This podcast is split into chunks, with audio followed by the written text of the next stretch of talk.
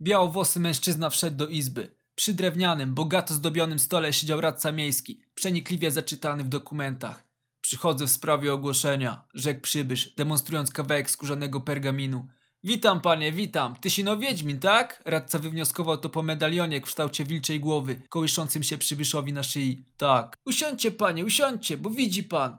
Nieodpodal zadomowił się chyba troll. Paskudne to stworzenie, oj paskudne. Początkowo nie wadził nam, jednak z czasem leśniczy zaginął. Później jego żona i grupka wieśniaków. My ino żeśmy zbrojnych posłali, cały tuzin. Jednak kowoż żaden z nich nie wrócił. Po niespełna tygodniu bagna ludzie zaczęli omijać szerokim łukiem. Wielmożny grododzierżca, władca Duloku, wyznaczył zatem nagrodę za stwora. Ile? Odparł Wiedźmin, poprawiając pas nośny. 800 norwickich koron. Nasz król, słynący ze swojej szczodrości i dobroci, dba o swój lud. Zatem nagrodę za ubicie pokraki wyznaczył Sowitą. Sam dzielnie wyruszył na wyprawę zbrojną przeciwko zamorskim najeźdźcom. Dlatego więcej zbrojnych przysłać nie może. Coś więcej możesz mi powiedzieć o tym stworze?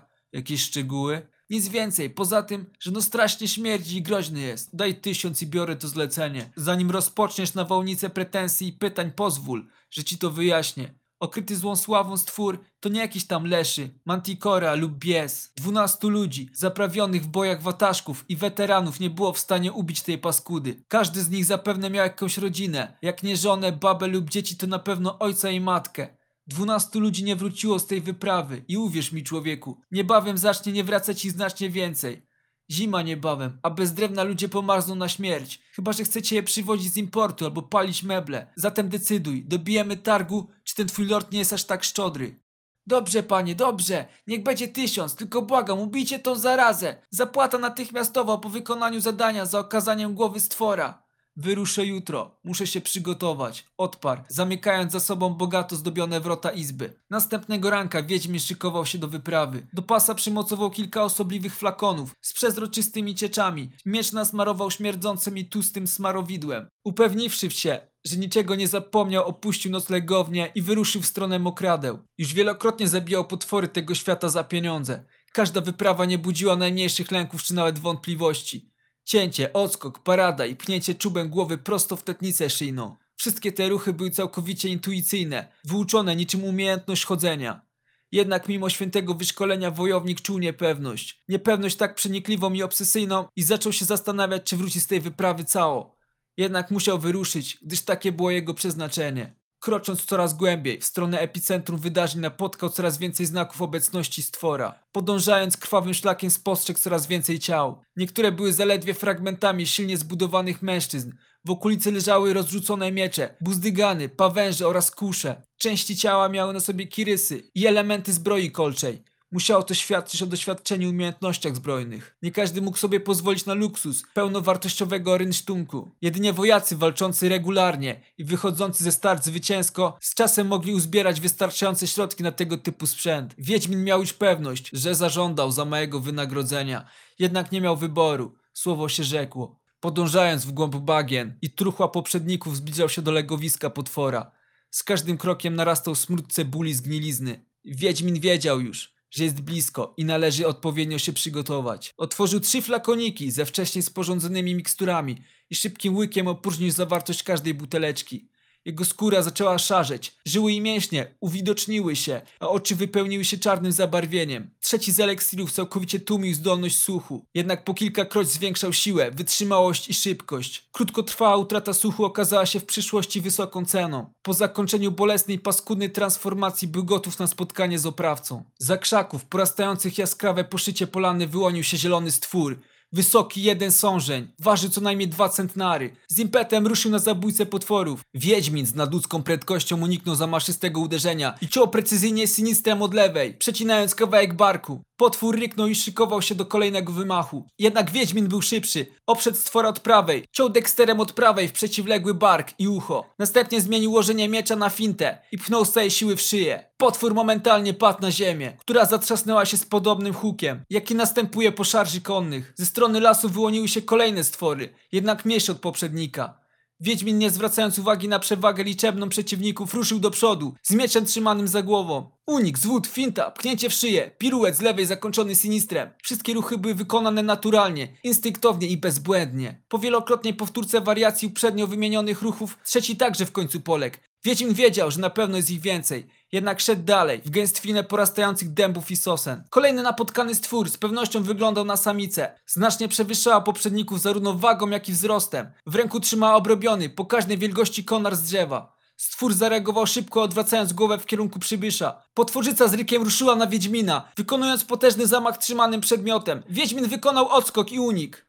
Nie uniknął. Pokaźnej budowy stwór poruszał się nadzwyczaj z gracją i prędkością dorównywał rozsierdzonemu rosomakowi. Pomimo działania eliksirów i osłaniających ciało elementów zbroi, Wiedźminowi coś chrupnęło w lewym barku. Z impetem padł na ziemię, w której momentalnie się odturlał, przewidując gdzie padnie kolejny cios. Tym razem miał szczęście, bo stwór chybił. Wiedźmin odsunął się, splótł w ręce wymagającą kombinację ruchów i wykonał znany art. Migotliwa wiązka energii uderzyła w potwora, wytrącając go z równowagi do tego stopnia, że musiał uklęknąć. To wystarczyło. Wiedźmin przekoziołkował w stronę olbrzyma, wykonując przy tym szeroki cios w podbrzusze. Posoka trysnęła niczym z górskiego źródła, wyrzucając długą plataninę trzewi. Stwór zawył, uniósł trzymany kawałek drewna i rzucił nim w przeciwnika. Trafił. Pomimo potężnej budowy ruch był szybki, pewny i włóczony dokładnie tak, jakby był wykonywany regularnie podczas małżeńskich kłótni. Wiedźmin odleciał na cztery sążnie, orając po drodze ziemię i wyrywając korzonki z okolicznej ziemi. Miał na pewno połamane kilka żeber. Jednak pod wpływem eliksirów nie odczuwał tego. Bez wahania złożył ręce w znak igni. Wiązka palącego ognia dotarła do wroga. Gazy wydobywające się z wystających poza ciałem jelit zadziałały jak rozpałka. Potwór zapłonął niczym pochodnia w spazmatycznym krzyku. Próbował ponownie ruszyć na Wiedźmina, jednak tym razem bez gracji i szybkości posiadanej na początku starcia. Potężny wymach miecza ściął głowę potwora, która opadła niewiele dalej od ciała. Pora na tatusia. Odparł krosząc stronę wielkiego konara ściętego drzewa, przerobionego na obiekt mieszkalny. Sam domek posiadał kilka okien, drzwi oraz kamienne schody prowadzące na wzniesienia wokół domu. Na szczycie wzniesienia stał pokaźny drewniany totem z czaską przypominającą kształtem małego kuca, umieszczoną na jego szczycie. Nieodpodal stała drewniana konstrukcja, przypominająca wychodek, jednak znacznie od niego większa. Drzwi drewnianej konstrukcji rozchyliły się. Za nich wyszedł zielonkowy moloch, odziany w strój mieszczanina. Był znacznie większy niż wszystkie poprzednie. Dorównywał wielkością samicy. Jednak pokaźna budowa wskazywała, że mógł ważyć co najmniej dwa razy więcej. Za pasem miał włożony ogromny rzeźniczy tasak, adekwatny do jego wielkości. Najprawdopodobniej kończył właśnie przerwę i wracał do porcjowania ludzkiego mięsa. Gigant zaszarżował z ostrzem na Wiedźmina.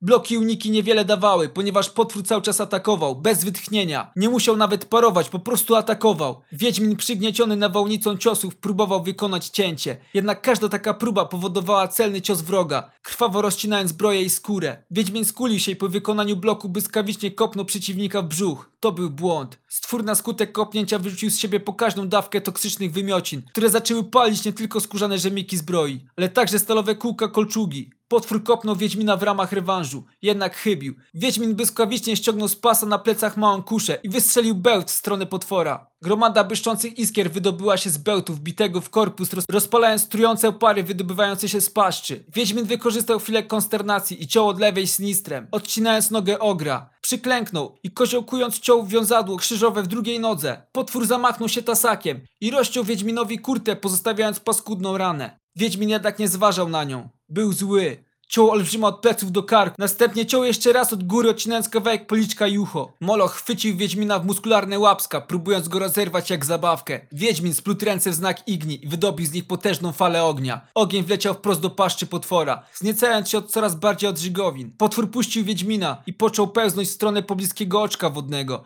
aby ugasić palący ogień w jego wnętrzu. Wiedźmin jednak mu nie odpuścił.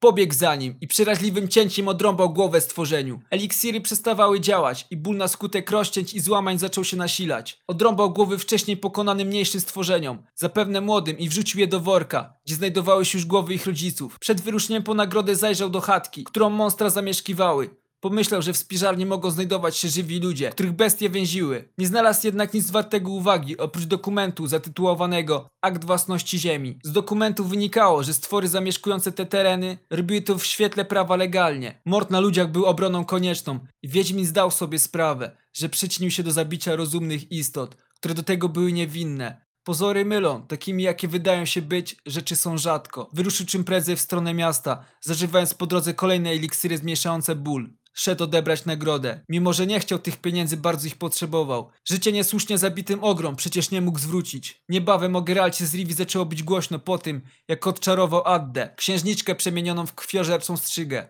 Jednak Wiedźmin nigdy nie zapomniał tego, co wydarzyło się przed jego podróżą do Wizimy. Nie zapomniał, że niegdyś w Dulaku mieszkał wraz z rodziną niesłusznie skazanego